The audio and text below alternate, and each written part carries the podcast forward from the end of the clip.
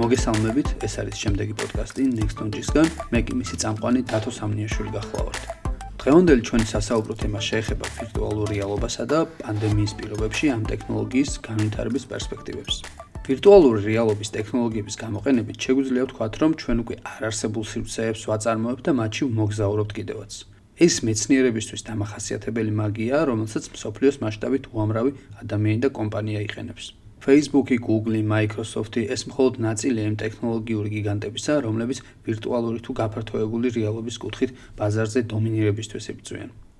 დღევანდელ პოდკასტში სწორედ ამაზე ვისაუბრებთ და არა მხოლოდ ამაზე. გავიგებთ რა არის ვირტუალური რეალობა, როგორ იყენებენ კომპანიები და მომხმარებლები მას და რას უნდა ველოდოთ მომავალში. როგორი იქნება შემდეგი რეალობა.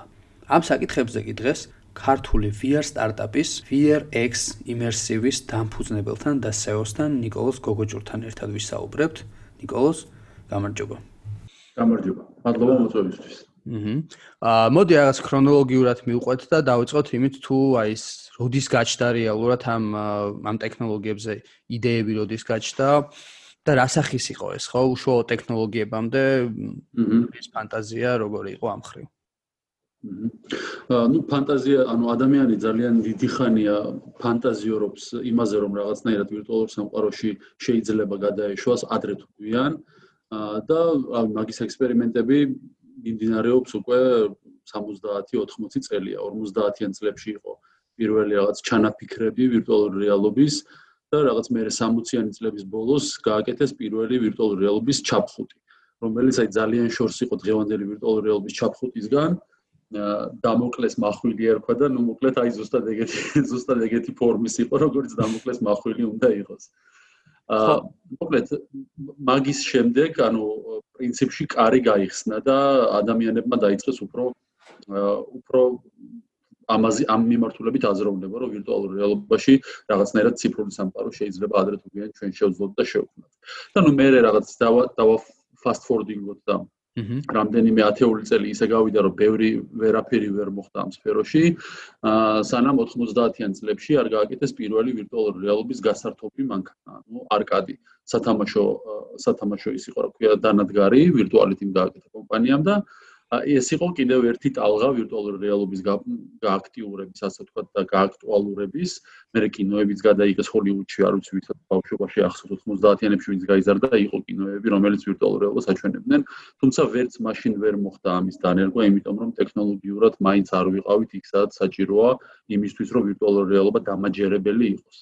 და მხოლოდ და მხოლოდ 2010-იანი წლების დასაწყისში გაჩნდა ეს ახალი სტარტაპი, რომელსაც ერქვა Oculus-ი, რომელმაც ჩაიფიქრა ესეთი გიჟური ამბავი, რომ მე მგონი ეხლა დროა, რომ ვირტუალური რეალობა ამოიქოქოს ისევ და აი ეს მესამე მესამე ტალღა წამოიწყეს და გააკეთეს Kickstarter კამპანია, რომელზეც რამდენიმე მილიონი აიღეს და გააკეთეს პირველი პროტოტიპი და Oculus Rift-ი გამოუშვეს პირველი.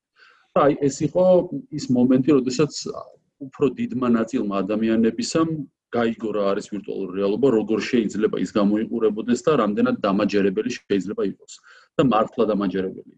და აი ეს არის რაღაცნაირი ისტორია ამისი და ამ შუალედებში რა თქმა უნდა ყოველ ამ დალღასთან ერთად ხდებოდა ამ ვირტუალური რეალობის ტექნოლოგიების გამოყენება სხვადასხვა სფეროში. როგორც ხშირად ხდება ხოლმე ძალიან უახლესი ტექნოლოგიები გამოიყენება ხოლმე ძალიან დახურულ სფეროებში, როგორც არის აა რაღაც სამხედრო საქმე, როგორც არის კოსმოსი და ამ შემდეგ და ამ შემდეგ. ხო, ან თავიდან როგორც ვიცი, როდესაც პირველად ეს ტექნოლოგია შეიქმნა, ეს რაღაც 60-იან წლებში რაღაც პროტოტიპი რო იქნებოდა, იმ ხელა იყო, რომ თვითონ მთლიანი დანადგარი იყო. ხო, ეხლა რო რაღაცა სიტყვა სათვალეს გაიგეთებ, ის იყო მთლიანი დანადგარი და შემდეგ ეს დანადგარი ძირსიდო და ადამიანი მიდიოდა თავს ყოფდა შიგნით, ხო? და თავს ყოფდა შიგნით. კი, ეგეთიც იყო და ასევე იყო სტერეოსკოპზე დაფუძნებული, რომელიც აი ჩაფხუტივით, ჩაფხუტივით ფორ ფაქტორი ჰქონდა, მაგრამ რაღაცა სარკეებით მიმართვალდა შენ ზერას გვერდებში და გვერდებში ეკრანები ეყერა და მოკლედ ისიც ძალიან დიდი იყო. და მე კიდე 90-იანებში რაღაცა ტელევიზორი გქონდა თავზე ჩამოკიდებული ამ ხელადანადგარიც იყო და ახლა ჩვენ ნელ-ნელა მივდივართ იქამდე რომ იდეაში ტელეფონის ხელა დივაისშიც შეიძლება იყოს ვირტუალური რეალობა ჩაკერებული. ხო, აი ვიცი რომ რაღაც კომპანიები მუშაობენ ისეთ იმაზე რომ აი თითქოს ჩაოლებრივი სათვალის შუშა რაც არის იმ ხელა რაღაცა იყოს რის მიხედვითაც ამ სხვა ამ ვირტუალურ რეალობაში ამოყოფ თავს, ხო? აი საინტერესოა უშუალოდ მაშინ დღევანდელ რეალობაზე გადავიდეთ, ანუ დღეს რა ხდება ამ ხრივ, ანუ აა როგორ თქვათ, ანუ აა ვირტუალურ რეალობას სხვა სხვა სხვა ფორმები და მისი გამოყენების ფორმები სხვადასხვა არის და აი ამ ხრივ რო ვისაუბროთ რა ფორმებია ესენი და შემდეგ უკვე უშუალოდ გადავიდეთ იმას თუ რაში გამოიყენება ისინი. აა მოდით დავიწყოთ მაშინ აი ზოგადი დეფინიციით. ხო ვირტუალური რეალობა არის ნაწილი გაფართოებული რეალობისა. ანუ XR-ი, ანუ X-ი და R-ი არის ის აბრევიატურა, რომელიც ასახავს იმ ხელა ამ სფეროს, რომელიც მოიცავს როგორც ვირტუალურ რეალობას, ასევე დამატებით რეალობას და შერეულ რეალობას. და აი ამათ შორის განსხვავება უნდა კარგად იცოდეს ადამიანმა იმისთვის, რომ რაღაცნაირად გაერკვეს და თქვა დაინტერესდეს ამ სფეროთი. გაფართოებული რეალობა შედგება ამ სამი ნაწილისგან და ვირტუალური რეალობა აქედან ეს ნაწილი ნიშნავს იმას, რომ რაღაცნაირად ვირტუალურ სამყაროს, ვირტუალური სამყარო ანაცვლებს მთლიანად რეალურ სამყაროს. ხო, ანუ ციფრული სამყაროში, ციფრულ სამყაროში გადადიხარ თავიდან ბოლომდე. ეს არის ვირტუალური რეალობა. კი ბატონო. ანუ ნამდვილი ვირტუალური რეალობა ანაცვლებს მთლიანად რაღაცა იდეალურ შემთხვევაში ანაცვლებს მთლიანად რეალობას. და დამატებითი და შერეული რეალობები უფრო სხვანაირი რაღაცა არის, იქ რეალურ გარემოს ემატება რაღაცა გრაფიკული ელემენტები და ვირტუალური ელემენტები, რომლებიც ურთიერთქმედებენ ან არ ურთიერთქმედებენ რეალურ გარემოსთან. ანუ თამაშები მაგალითად Pokemon Go თუ გინახავს Facebook Messenger-ში, სხვადასხვა Messenger-ებში სათვალეებს რო იკეთებ და და Zoom-ში რო background-ი იცვლება და რაღაცა, აი ეს ყველაფერი არის დამატებითი რეალობა და შერეული რეალობა, ანუ ვირტუალური რეალობა არა. ამიტომ აი ეს სამი რაღაცა არის. გამოყენებას რაც შეეხება, ეს სამივე გამოიყენება ძალიან მრავალ მრავალი დანიშნულებით. და ეს ყველაფერი იწება როგორც ფობიებთან ბრძოლით და ტრეინინგებით და სამხედრო ტრეინინგებით და განათლებით, მაგალითად სამედიცინო განათლებაში გამოიყენება ვირტუალური რეალობა ძალიან ხშირად, მაგალითად ინდუსტრიულ განათლებაში გამოიყენება გაფართოებული რეალობაც და ანუ დამატებით რეალობაც და ვირტუალური რეალობაც. მაგალითად, შენ შეგიძლია შემდგებელს ასწავლო, როგორ უნდა შეადუღოს სწორად სპეციალურ სათვალეს გაიგეთებს და შედუღების დროს ის აჩვენებს სად უნდა დაადოს ალი იმისთვის რომ სწორად შეადგინოს. კი ბატონო. ამის აი ასე შეიძლება გამოიყენოს. კი, ამის პარალელურად შეგიძლია რაღაც მანქანის დარება ისწავლო თვითმფრინავის გამოყენება ისწავლო, თითქმის ნებისმიერი რაღაც შეგიძლია ესე ისწავლო, ხო? არის მაგალითად აი მეცნიერებაშიც, როდესაც აი რაღაც ატომი შეგიძლია შიგნიდან ნახო მის გარშემო როგორ ტრიალებენ ელექტრონები. ანუ რეალურად ეს არის იმის საშუალება, რომ აღიქვა სამყარო, ის სამყარო, რომელიც შეიძლება რომ ჩვენს რეალობაში ფიზიკურად ვერ დაინახო, ხო? იმიტომ რომ მიკროდონეზე შეგიძლია ეს ყველაფერი და მაკროდონეზე შეგიძლია აღიქვა. ეს არის ძალიან მნიშვნელოვანი. აი მაგალითად ჩინეთში, ასე მე გავეცანი ინფორმაციას, ჩინეთში უკვე ძალიან პოპულარულია ესეთი სწავლება, ანუ სკოლებში ბავშვებს ბავშვები იყენებენ ამ სათვალებს, რითაც უშუალოდ ახერხებენ რომ ანუ ინტერაქციით მოახდინონ ამ თუ იმ საგნის გააზრება და შემდეგ ესწავლა. ხო, როდესაც ადამიანი სიტყვაზე ამას ციგზე ციგნან ფურცელზე კითხულობს, ანუ ვიდეოს უყურებს, ბოლომდე ტვინი ადამიანს ვერ აკავშირებს ამ რაღაცასთან, ხო, ინფორმაციას. როდესაც შენ მას უკვე ხეხები, აი ძალიან მნიშვნელოვანია მაქრო შეხების ფაქტორიც, იმიტომ რომ არსებობს სპეციალური ხელთათმანები, ხო? როგორც ვიცი, რომელთაც უკვე პირდაპირ ფიზიკური ინტერაქცია შეგიძლია საგანთან. აი ამაზეც ვილაპარაკოთ, ანუ აი სათვალე და ეს ხელთათმანი რო ერთმანეთთან დაუკავშიროთ. აი შენ რაც ახლა თქვი დათო, ხო, აი ჩინეთში რო იყენებენ განათლებაში, ეს ყველაფერი დგას ერთ ძალიან მნიშვნელოვან მნიშვნელოვან რამეზე. აა გაგვიგია ყოველას ფრაზა ხო რომ სურათი 1000 სიტყვას ჯობიაო რა. და აი ვირტუალური რეალობა დგას ზუსტად მაგაზე რომ ვირტუალური რეალობა ასწავლის ან აძლევს ინფორმაციას ადამიანს განცდების დონეზე და არა მარტო ვიზუალური სტიმულის დონეზე და არა მარტო თქვა სიტყვიერი და ხმოვანი სტიმულის დონეზე ანუ განცდების დონეზე მიდის. მაგალითად ძალიან ხშირად მინახავს ადამიანები რომლებიც იკეთებენ ვირტუალურ რეალობის სათვალეს სადაც დაფრინავენ და ნამდვილი შიშის შეგრძნება ეუფლებათ. ან სადაც თქვა სიმაღლიდან იყურებიან და მართლა ეშინიათ ან სადაც რაღაც თავის ფობიას ებრძვიან ვირტუალურ რეალობაში და ხედავენ თავის შიშებს ხო ანუ ეს ეს ინფორმაცია ბევრად უფრო ადვილად აღსაქმელი არის და ბევრად უფრო ამახსოვრდება ადამიანს. ეს დამტკიცებული ფაქტია, რომ ვირტუალური რეალობით მიღებული ინფორმაცია მათ შორის ბავშვებში ბევრად უფრო ადვილად დასამახსოვრებელი ხდება, იმიტომ რომ ის განცდების დონეზე არის. და აი ამ ამ notions-ზე, აი ამ ამ პრინციპზე დგას ყველაფერი, ყველანაირი გამოყენება ვირტუალური რეალობის იდეაში. ან ტექნოლოგიის გამოყენება ხო უნდა იდგეს რაღაც პრინციპზე და აი ვირტუალური რეალობის შემთხვევაში ეს პრინციპი ეს არის, რომ შეგრძნებების დონემდე უნდა დავიდეს ინფორმაციის გადმოცემა. და იგივე ამბავში არის ის ხელთათმარები და დამატებითი ხელსაწყოები. ანუ დღესდღეობით მაგალითად უფრო ხშირად ვირტუალური რეალობის სათვალეს მოყვება თავისი კონტროლერები და კონტროლერებით იყენებს ეს კონტროლერებით ახდენ შენ მოძრაობას სივრცეში ან რაღაცა ინტერაქციას ასევე არსებობს სათვალეები რომელიც ჩვეულებრივად ხელების მოძრაობას აღიქვევს და ხელებით შეგიძლია რაღაცეების გაწევ გამოწევა. ასევე არსებობს უკვე ხელთათმანები რომლებიც ცდილობს რომ მოგცეს შეგრძნება იმისი რომ ეხები რაღაცას. ასევე ყნოსვის სტიმულატორებიც არსებობს რომლებიც გაძლევს რაღაცა ყნოსვის შეგრძნებას. ანუ ვირტუალური რეალობის ხაზი მთლიანად მიმართულია იქითკენ რომ მაქსიმალურად და მოიცვას ყველა შეგრძნების არეალი ხო? აი მაგით მაგით მოგცეს რეალობის შეგრძნება. და როგორც აღმოჩნდა, სულ შორის ჩემთვისაც და ბევრისთვისაც გასაკვირი იყო, როგორც აღმოჩნდა ადამიან ადამიანის ტვინი ბევრად უფრო ადვილად მოსატყუებელი აღმოჩნდა ვიდრე ჩვენ გვეგონა. ანუ 2014 წლის ვერსია Oculus-ის რო გაიგეთო დღეს კი მიხვდები რომ ძალიან დაბალი ხარისხის არის, მაგრამ იმ მომენტში, როდესაც ჩვენ ეს პირველად გავიკეთეთ 13-14-ში, მართლა მოგატყუა, ხო? ანუ მართლა მოატყუა შენი ცნობიერი და მართლა მიუხედავად იმისა, რომ იცი რომ დგახარ იატაკზე, გგონია რომ სადღაც აბსოლუტურად სხვაგან ხარ. კი, თავადაც გამომიცდია სხვათა შორის და ძალიან დიდი ეფექტი ჰქონდა ჩემზე. ანუ მე გამომიცდია როგორც შედარებით უფრო ძველი ტექნოლოგიები, შემდეგ უფრო ახალი და განსხვავება ძალიან დიდი იყო. უბრალოდ აი ძველი ტექნოლოგია შედარებით ძველი რომელიც ხო იმითაც იჯერებ ადამიანი, რომ იმ რეალობაში ხარ. შენ შეიძლება დარწმუნებული ხარ და ხვდები რომ ეს შეიძლება არ იყოს ესეთი რეალობა, მაგრამ ტვინი ისეთი რაღაცა რომ ჩაოლბრივ ტყუდება მაინც ხო? შეიძლება ხელი აიფარო ან რაღაცა წაიქცე, ხო? ეს ჩაოლბრივ ამბავია. და აი ჩვენ რაზეც ვისაუბროთ ახლა ძალიან მნიშვნელოვანი ფაქტორია რომ ანუ ადამიანები შეიძლება უმრავლესობაში ისეთი იყოს გავრცელებული ინფორმაცია, რომ ეს რაღაც შეიძლება იყოს სათამაშო ან ან თამაშით გამოიყენო ან პატარა ბავშვებმა რაღაც უბრალოდ დრო დაკარგონ, მაგრამ რეალოდ ეს ის ტექნოლოგია, რომელმაც რაც აქვს ძალიან დიდი პოტენციალი, რომ მოიცავს მართლა ყველა სფერო, როგორც თქვი და ძალიან დიდი როლი ითამაშოს სწავლების კუთხითაც, ხო?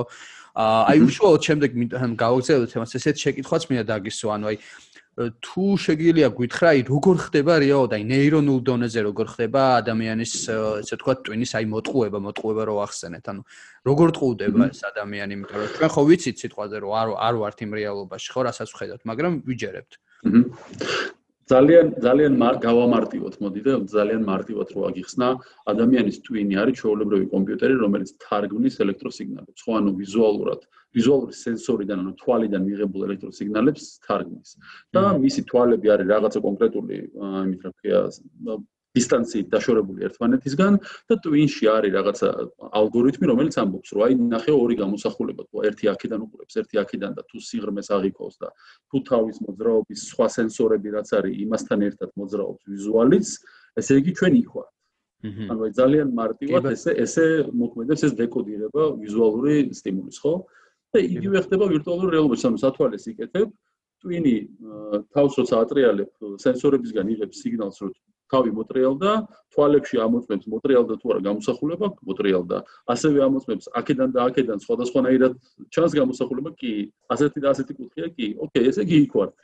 და ჩვეულებრივად იჯერებს. ხო, ან ზუსტად აი ესეთი ზუსტად ამ თეორიებიდან არის ამოსული რაღაც სხვადასხვა სპეკულაციები, შეიძლება იყოს, მაგრამ შეიძლება არც იყოს ეს სპეკულაციები და მომავალში გამართეს, ხო, იგივე ელონ მასკის ნათქვამი არის ყოველთვის ცნობილი, რომ მან თქვა რომ რაღაც მილიონში ერთია შანსი იმისთვის, რომ სიმულაციაში ხა არ ვიმყოფებოდეთ. იქიდან გამომდინარე, რომ თუ ჩვენ აი უყურებთ სიტყვაზე რამდენიმე წელიწადში როგორ დაიხვეწა ეს ტექნოლოგიები, რაც უფრო გაგზელდებათ, რაც უფრო დრო გავა, ხო, მით უფრო გაგვიჭirdება ჩვენივე ანუ VR-ში გავარჩიოთ სად ვიმყოფებით შესაბამისად ისად თუ ეს რაღაც 20-30 წელიწადში ამ ხელა პროგრესია წარმოიდგინეთ, პირობითად ვამბობ, რაღაც 1000ობით წლის შემდეგ რა დონეზე უნდა განვითარდეს ეს ტექნოლოგიები და რატომაც არა, ხო? შეიძლება სხვა დღეს ჩვენს ვიღაცის შექმნილ ვირტუალურ რეალობაში ვიმყოფოთ, მაგრამ ეს ყველაფერი რა თქმა უნდა თეორიებია და ძალიან მატრიცაში რო არ გადავიჭრათ, ძალიან თავისუფლად შესაძლებელი არის ყველაფერი და აბსოლუტურად არსებობის უფლება აქვს ამას. მე მაგალითად პირველად რომ ვირტუალურ რეალობა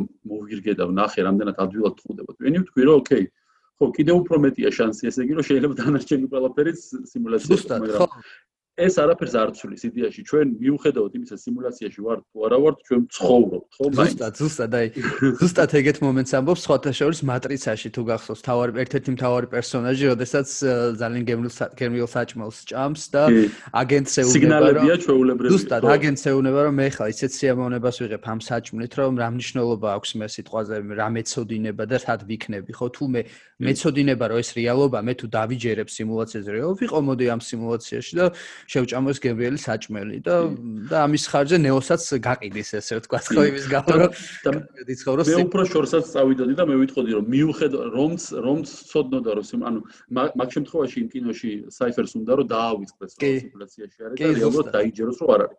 და მე უფრო სხვანაირად ვიტყოდი. მე რომ ზუსტადაც რომ ვიცოდე რომ სიმულაციაში ვარ მაინც მინდა რომ ვიცხოვრო. ამიტომ ხო აუ საჭიროა რომ იგზნო ხო? აუცილებლად ხო ნამდვილად. აა მოდი ხა იმიდან რა ქვია. გადავიდეთ რეალობაში ფუტურისტული სამყაროდან და გადავიდეთ კორონავირუსთან იმიტომ რომ კორონავირუსიც რაღაც მხრივ დისტოპიურია ხო? ეს ყველაფერი იმიტომ რომ რაღაც სიტყვაზე ერთი წლის წინ რა თქვა ჩემთვის რომ მე რო ქუჩაში გავიდოდი ჩემ გარშემო ყველა პირბადითიული და ხო ანუ ეს იქნებოდა ანუ აი სიტყვაზე ჩემ თავსო დაენახა ეს ერთი წლის შემდეგ ანუ მეგონებოდა რაღაც ისეთი სერიოზული მოხდა რომ შეიძლება რაღაცა ადამიანის ფორმებსაც ვიცვლიდეთ და რაღაც იმიტომ რომ ეგრევე ამოყოფ თავს მოკლედ რაღაც დისტოპიურ ფილმში, ხო? და აი 2020 ეგეთი არის და კალიფორნიის სურათები ზაფხულის ადასტურებს კიდევ ერთხელ რომ ჩვეულებრივად ძალიან ადვილად შეიძლება ფილმი იყოს. კი, კი, ზუსტად. ხო, და აი აქედან ზუსტად როდესაც ფუტურისტულ სამყაროზე ვაპარაკობთ, გადავდივართ რაღაც რეალობაში, რომელიც დისტოპიურია.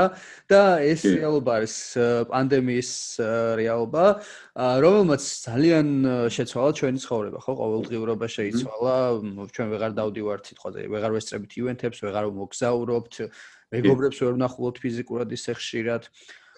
სამსახურების ფაქტი რომელიც შესაძლებელი იყო გადავიდა დისტანციურზე და აი ამ ხრივ ხა ფაქტია რომ აი ამ ტექნოლოგიებს სადაც ჩვენ ვლაპარაკობთ აქვს ძალიან დიდი როლი და ძალიან დიდი პოტენციალი რომ ჩაანაცვლოს ესეთი რაღაცები რაც კიდაც დროებით ახლა შეუძლებელია ხო? ა ეს იქნება მოგზაურობა სიტყვაზე ან რაღაც კონკრეტული ადგილების დათვალიერება თუ მათ შორის მეგობრების შეკრება. მე ინფორმაციას რო ვეცნობოდი ვნახე რომ არის სხვადასხვა პლატფორმები რომლებიც თავაზობენ ადამიანებს ვირტუალურ მოგზაურობაში წასვლასაც კი ანუ აი ამ ხრივ რა მდგომარეობა რას ფიქრობ ხო. ну პრინციპში მაგ სფეროში არის ზუსტად ჩემი ბიზნესი ანუ ვირექსი ზუსტად მაგას აკეთებს 2014 წლიდან ჩვენ ვცდილობთ რომ ვირტუალური რეალობის ტექნოლოგია გამოვიყენოთ იმისთვის, რომ მივეხმაროთ ადამიანებს ერთის მხრივ უფრო სწორად დაგეგმვაში მოგზაურობის და ახლა უკვე უბრალოდ მოგზაურობის შეგრძნების მიღებაშიც პანდემიის დროს და ამას გადავალ და მეორე მხრივ თვითონ ტურისტულ სააგენტოებს და ადამიანებს ვინც ღებულობს ამ ტურისტებს ვეხმარებით რომ უფრო ადვილად და უფრო დასამახსოვრებლად მიაწოდონ თავიანთი პროდუქტის შესახებ ინფორმაცია ადამიანებს თქვენ მსოფლიოში. ხო, ანუ ეს არის ჩვენი ბიზნესი.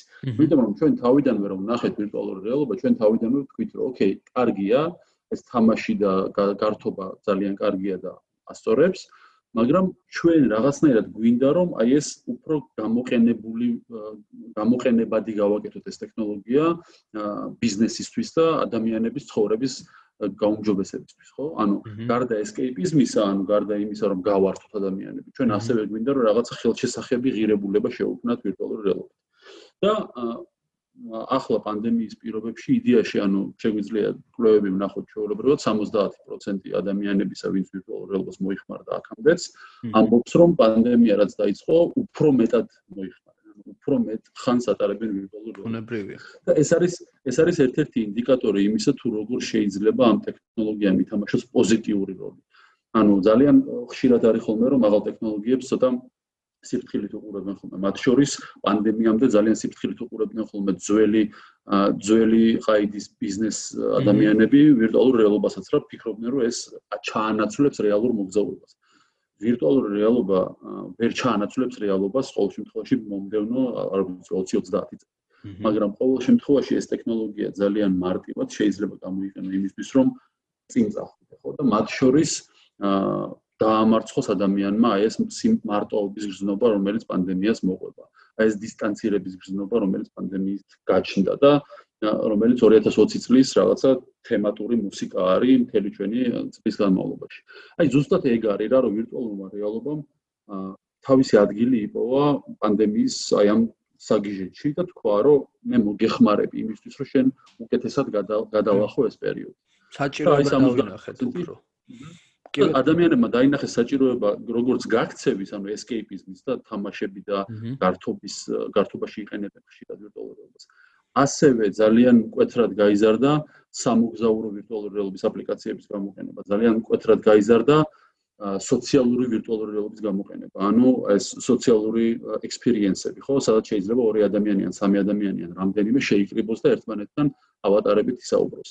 რამდენიმე ივენტიც კი ჩატარდა ვირტუალურ რეალობაში, სადაც ჩაოლებრივი გამოფენებიც იყო შეიძლება. ანუ ვირტუალურმა რეალობამ როგორც იქნა, დაიწყო სიარული არა მარტო გართობის მხარეს, არამედ რეალურად ადამიანებისთვის ცხოვრების გამარტივების და გაუმჯობესების მხარეს.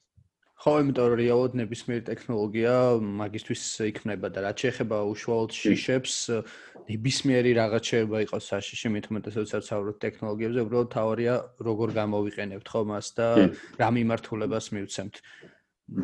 მაგალითად, როდესაც კვანტური ფიზიკა როგორც რაღაც დონეზე გავიაზრეთ და დავიწყეთ რაღაც მის შემოღება შემთხვევაზე ატომზე манипуლირები შეიძლება შექმნა ატომური იარაღიც და ამის პარალელურად ძალიან ბევრი მნიშვნელოვანი ტექნოლოგია რომელიც სიცოცხლებს გადაარჩენს ხო ან მარტივად სათვალე რომელიც შენ გიკეთია შეიძლება გამოიყენო ადამიანმა იმისთვის რომ ცეცხლი გააჩინოს სადღაც ან იმისთვის რომ უკეთესად დაიდახო.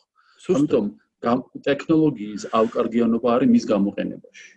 და აი ჩვენი ჩვენი ვიჟენი, ჩვენი ხედვა ზუსტად ეგ არის, რომ ვირტუალური რეალობა ჩვენი აზრით ძალიან კარგი კარგი საშუალება არის იმისთვის, რომ ადამიანების სიცოცხლე გამარტივდეს.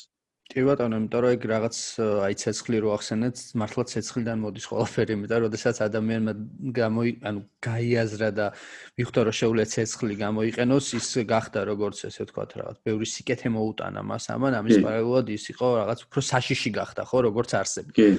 ამიტომ ამ ხრივ მეც ზუსტად ეგრე უყურებ, რომ ეს ტექნოლოგიები არის რაღაც ჩვენთვის გამოწვევა იმისთვის, რომ შევძლოთ მათ ხარჯზე უფრო რაღაც უკეთესი რეალობა რეალობაში ვიცხოვროთ, მათ შორის აი ესეთ სერიოზულ გამოწვევებს დაუპირისპირდეთ, როგორც არის დღევანდელი პანდემიის ამბავი.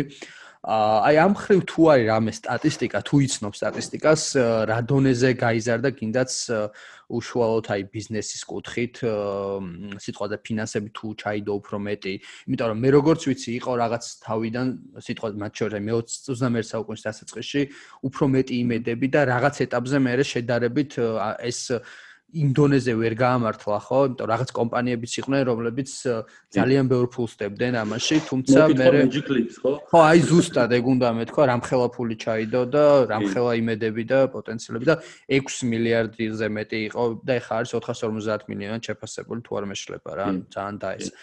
აი ეს რამდენიმე მილიარდი ჩადებულია და ანუ ანუ ამით გადავდივარ ძალიან მნიშვნელოვან საკითხზე რომელიც თან ახლავს ნებისმიერი ახალი ტექნოლოგიის დანერგვას და ეს არის სამწუხაროც და საბედნიერო ფაქტიც დღევანდელი ჩვენი ცხოვრების ეს ჩვენი ჩვენი ცხოვრება ისეთია რომ ინფორმაციის გავრცელება ძალიან სწრაფად ხდება და მედია საშუალებების პასუხისგებლობის დონე უნდა იყოს ბევრად მაღალი ვიდრე იყო 50 წლის წინ. იმიტომ რომ როდესაც მედიის მედია საშუალება რაღაცა ინფორმაციას ავრცელებს ეს ინფორმაცია ბევრად სწრაფად მიდის მკითხველამდე და მაყურებლამდე. და ნახე რა მოხდა 2013-14-ში, როდესაც ყველამ დაინახა ეს პირველი პროტოტიპები ვირტუალურ რეალობის ანტალღის, როდესაც თქვენს რო აუ რა კარგია და მართლა მოვთხოვდი და კარგია, მედია საშუალებებმაც იგივენაირად როგორც მე და შენ პირველად რო ნახეს შტაბიჭდილების ქვეშ რო იყვნენ, დაწერეს უამრავი ძალიან გადაზედმეტებული, გადაჭარბებული მოლოდინებით აღსავსე სტატია.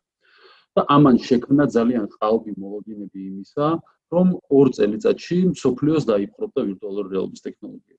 ორ წელიწადში მოკლედ ყოველას ყველა ოჯახში იქნებოდა VR, ორ წელიწადში ყველა გადააგდებდა ტელევიზორებს, გადააგდებდა ტელეფონებს, გადააგდებდა კომპიუტერებს და ყველა იქნებოდა ვირტუალური რეალობა. აი დაახლოებით ეგეთი ასეთი ის იყო, რა ქვია, message box-ი იყო მედია საშუალებებში.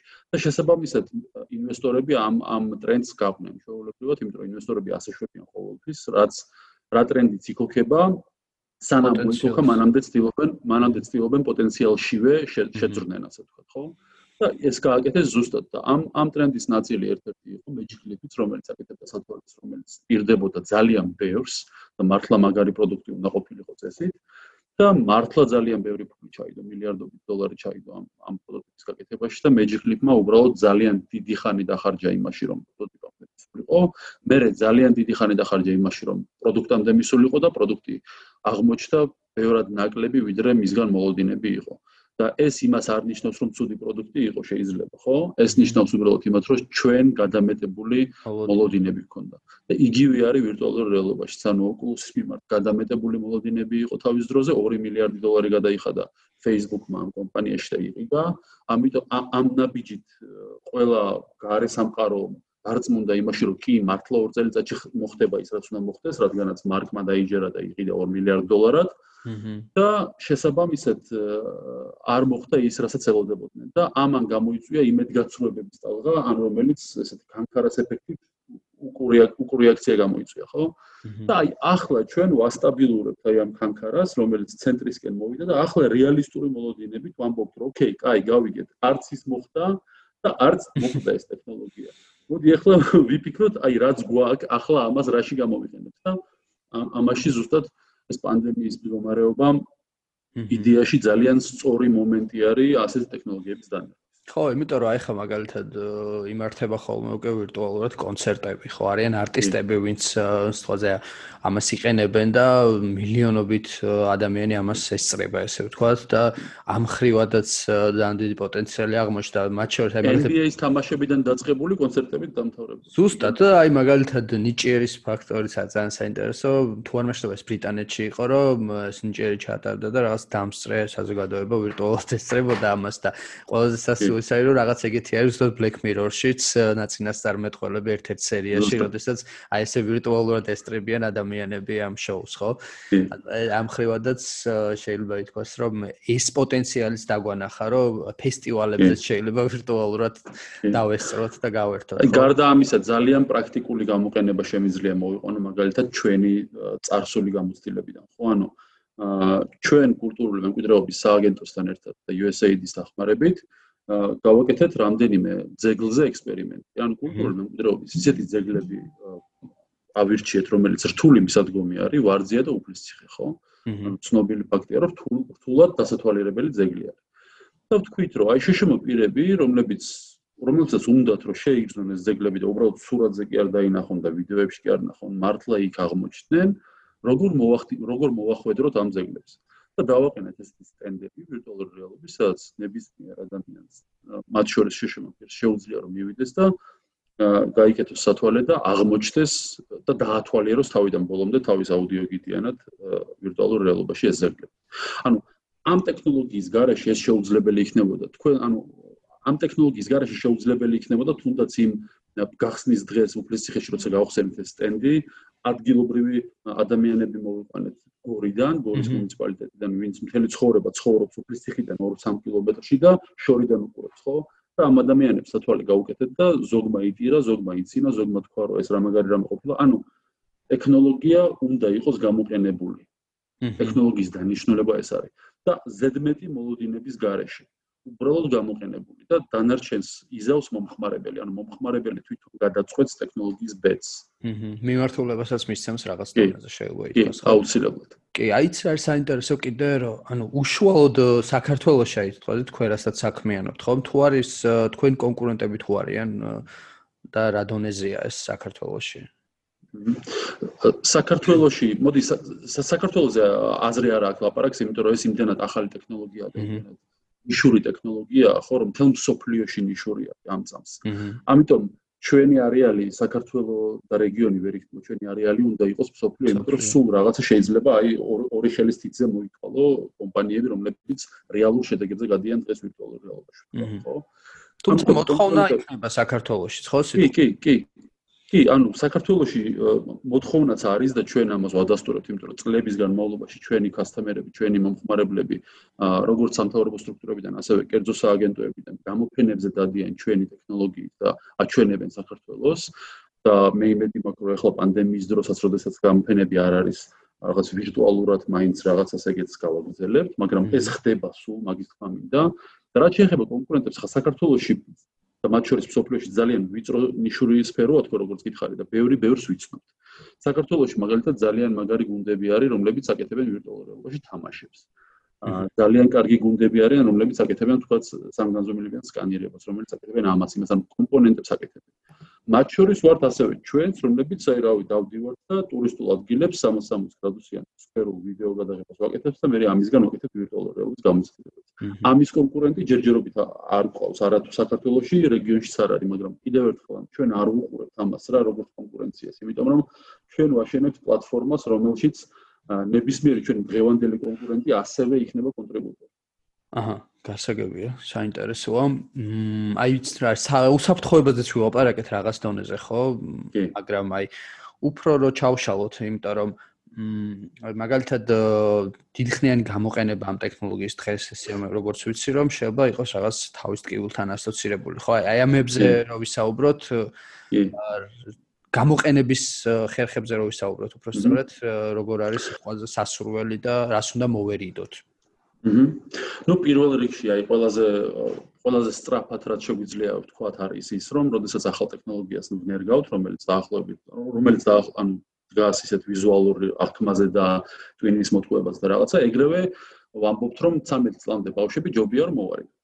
ხო ანუ ეგ ეგ თვითონ ყველა ყველა იმას როქე ჩაფხუცაც აწერია რომ ჯობია. მიუხედავად იმისა რომ ჯერ კვლევები არ ადასტურებს რომ რამეს აზიანებს, ხო?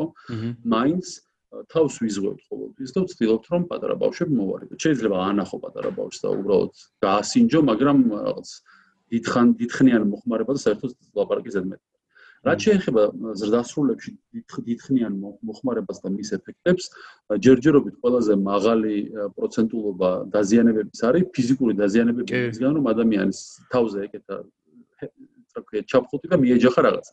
კი, მეც. ამიტომ იდეაში ჯერჯერობით დადასტურებული არ არის რომ ეს რაღაცა მართლა ცუდ ეფექტებს ატარებს ფსიქოლოგიურს ან თუნდაც ფიზიოლოგიურს. არ ჯერ არ დადასტურებულა ეს.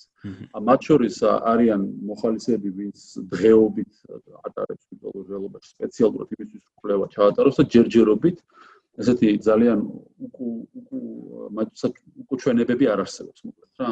მაგრამ ჯერ ეს ახალი სფერო არის, ახალი ტექნოლოგია და ამიტომ კვლევები გრძელდება. შეჩოვის ფაქტორიც იქნება მანდ, იმიტომ რომ ეს თქვა მე რო პირველად გამოვიყენე ეს ტექნოლოგია, ცოტა უფრო დამაბნია, რაღაცა უფრო დამღალა, ესე ვთქვათ, ვიდრე სიტყვაზე მე ნელ-ნელა რომ მოუმატე რა, რამდენჯერმე რო ვცადე, ალბათ ესეც არის. როგორც ნებისმიერ რაღაცა ამას წექნება შეჩოვის ფაქტორი აუცილებლად რა. ეგეც არის და ფიზიოლოგიურად ზოგი ადამიანი უფრო ადვილად იტანს და საერთოდ არ აქვს ხოლმე თავიდანვე პრობლემა და ზოგს პირიქით თავიდან დისკომფორტი აქვს და მე ნელ-ნელა უკრა. აჰა. აი დასასრულისკენ რო წავიდეთ, მოდი მომავლისკენ გავიხედოთ, რა პოტენციალი აქვს სიტყვაზე ამ ტექნოლოგიებს ახლო მომავალში, რა ფორმით შეიძლება ის მოგვევნოს ან როგორ შეიძლება დაიხვეწოს და მე შეგვიძლია ალბათ ერთი-ორი სიტყვაც უფრო ფუტურისტულ მომავალზე ვილაპარაკოთ, როგორც კიდაც აი ილონ მასკის იდეა რომ ვარ თუ არა სიმულაციის სიმულაციაში ხო ან რამდენად შეიძლება რომ აწარმოოთ იმიტომ რომ ეს იდეა მართალი გითხრა მე ძალიან მომწონს როდესაც სიმულაცია შეუძლია სიმულაცია აწარმოოს აი რაღაც მატრიოშკის ეფექტს გავს როდესაც ერთს ამოიღებ და შეგით მეორე და ესე უსასრულო პროცესი შეიძლება იყოს. ეს შეიძლება მომავალ შეიძლება ესეთ რაღაც რელიგიების გაჩნდეს რომლებსაც არ უმსავსი წამებენ ხო? აი ეგაა საინტერესო კიდე კი, ანუ ადამიანებს გვახასიათებს ეს რაღაცა ფატალისტური დამოკიდებულებები, ეს რაღაც მაქსიმალისტური მოლოდინები, როგორც ტექნოლოგიების მიმართ, ასე სხვა რაღაცების მიმართ, ანუ ბევრად არ განსხვავდებით ჩვენ მოკლედ 2000-3000 წლის წინანდელი ადამიანებისგან, ვისაც თვითფრინავი რო დაინახა, ალბათ ეგონებოდა რაღაც სასწაული, ხო?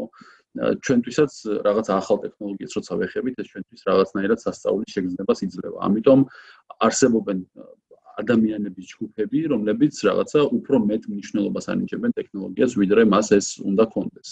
ჩემი მოკრძალებული აზრი ასეთი არის, რომ ნებისმიერი ტექნოლოგია, ნებისმიერი რა სფეროშიც არ უნდა იყოს ტექნოლოგია, უნდა და მისი ავკარგიანობა უნდა გადიოდეს მხოლოდ და მხოლოდ იმაზე, თუ რაში ვიყენებ მას და კონკრეტულად რაში მჭირდება ის და ის უნდა მჭირდებოდეს. თუნდაც იმისთვის რომ მოვდუნდეთ, თუნდაც იმისთვის რომ გავერთო, მაგრამ უნდა მჭირდებოდეს და მე უნდა ყოველთვის ვფიქრო არა იმაზე რა ტექნოლოგიით გავაკეთებ ამას, არამედ უნდა ვიფიქრო იმაზე რისი გაკეთება მინდა.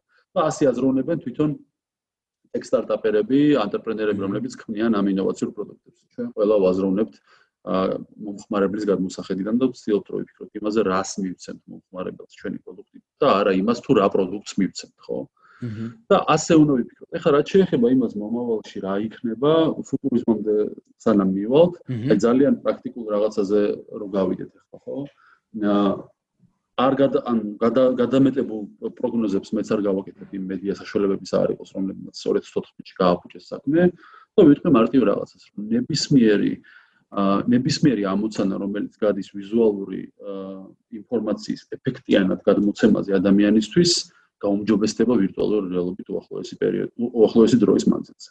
ეს იქნება განათლებაში ეს იქნება იმაში რა ვქე გართობაში ეს იქნება მოგზაურობაში თუ ნებისმიერ სხვა სფეროში. ანუ სადაც კი შენ გჭირდება ეფექტიანობისთვის გჭირდება ეფექტიანი ვიზუალური მასალა ყველგან ვირტუალური რეალობას აქვს თავისი ადგილი. მათ შორის კინოინდუსტრიაში მათ შორის თამაშებში მათ შორის ონლაინ ლექციებში და მათ შორის ვირტუალურ ტურიზმში როგორც ჩვენ ვაკეთებთ ხო ანუ თუნდაც დღეს უკვე გუშინ რაღაც შარშენ და შარშენ წინ უკვე ჩვენთან ბათუმის უნივერსიტეტი იყენებდა ჩვენ ვირტუალური რეალობის ტექნოლოგიებს იმისთვის რომ გიდებისთვის ეჩვენებინა ტურისტული ადგილები და რაღაცნაირად ესწავლებინა მათთვის თავიანთი საფრთხე.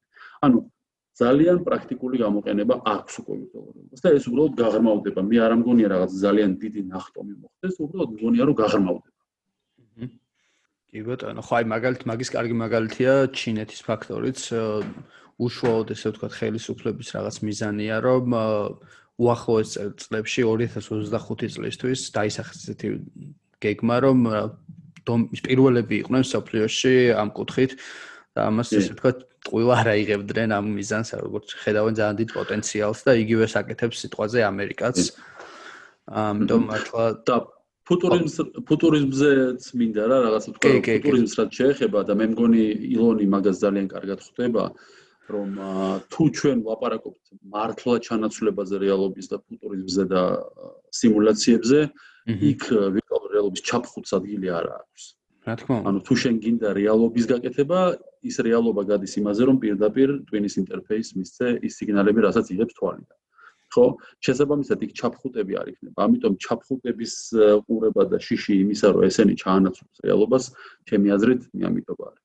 ხო, არა, რა თქმა უნდა, უბრალოდ ეს იქნება რაღაც სხვა ფორმის, მაგრამ შეიძლება იყოს რაღაც. შეიძლება იქნება ჩაფხუტები, მე იქნება სათვალეები, მე იქნება ლინზები, მე არაფერი არ იქნება და პირდაპირ. ზუსტად. ზუსტად. ყველაფერი არის ბუნებრივი პროგრესი ტექნოლოგიის. კი, კი, ну, სხვა შორის რაღაც ელონ მასკი, აი, როდესაც საუბრობთ რაღაც შნურებს და იმის garaშე კონტაქტზე კომპიუტერთან, ხო, რაღაც აი ნეუროლინკის მაგას ცდილობს, ხო, რომ დააგვაკავშიროს ადამიანის ქონება. აა ესე ვთქვათ კომპიუტერებთან. ხო და ნუ როგორც ჩვენ თქვი მართლა მომავალ შეიძლება ეგეთი იყოს რაღაც და ყველაფერი მაგას აჩვენებს ხო აი კომპიუტერების მაგალითიც რო ავიღოთ რაღაცა შენობის ხელა დანადგარებიდან გადავედით რაღაც smartphone-ებზე ხო და ეს smartphone-ები უფრო უფრო ძლიერია ვიდრე სიტყვაზე ის იყო ხო შენობის ხელა კომპიუტერი ხო? კი და მაშინაც თუ გახსოვს მანამ სანამ რამდენიმე შეშლილი ადამიანი არ დაიხატა ჩვენ ისტორიაში რომლებმაც სახლისთვის გააკეთეს ადამიანებისთვის გააკეთეს კომპიუტერი კომპიუტერული ტექნიკა წინ არ წავიდა. იმიტომ რომ მასობრივად ადამიანების ხელში როდესაც ვარდება ტექნიკა ტექნოლოგია მარტო მაშინ ხდება მისი რეალურად განვითარება. მანამდე ვიწრო გამოყენებაში სანამ არის ის დგას ერთ ადგილზე აჰა კი ბატონო, ხო და ნუ აი რაღაც მართლა ყოველდღე ხედავთ, რომ ახალ რეალობებში მივყავართ ტექნოლოგიებს და რაღაც ესეთ ტონზე დავამთავრებდი, რომ მართლაც რა არის ხო რეალობა? რეალობა ალბათ არის ის, რასაც წარმოქმნით და რაშიც ვართ. კი. ელექტრონული რეალობა არის ის, რასაც შენი ტვინი თარგმნის. ანუ ყოველას თავისი რეალობა აქვს. ყველა ვირტუალურ რეალობაში ვართ მაინც. ნამდვილად, როგორც ინდივიდუალად შეიძლება იგივე სიცოცხლის ფორმებზე ავიღოთ, როდესაც აღქმის დონეზე განსხვავდებით ნებისმიერი ეს ცხოველი იქნება თუ სხვა სხვა ნებისმიერი სახეობა. კარგი, ძალიან დიდი მადლობა დაგემშვიდობები. მადლობა. ძალიან სასიამოვნო იყო და აპრობებსაც დავამშვიდობოთ დროებით. მადლობა ნახო.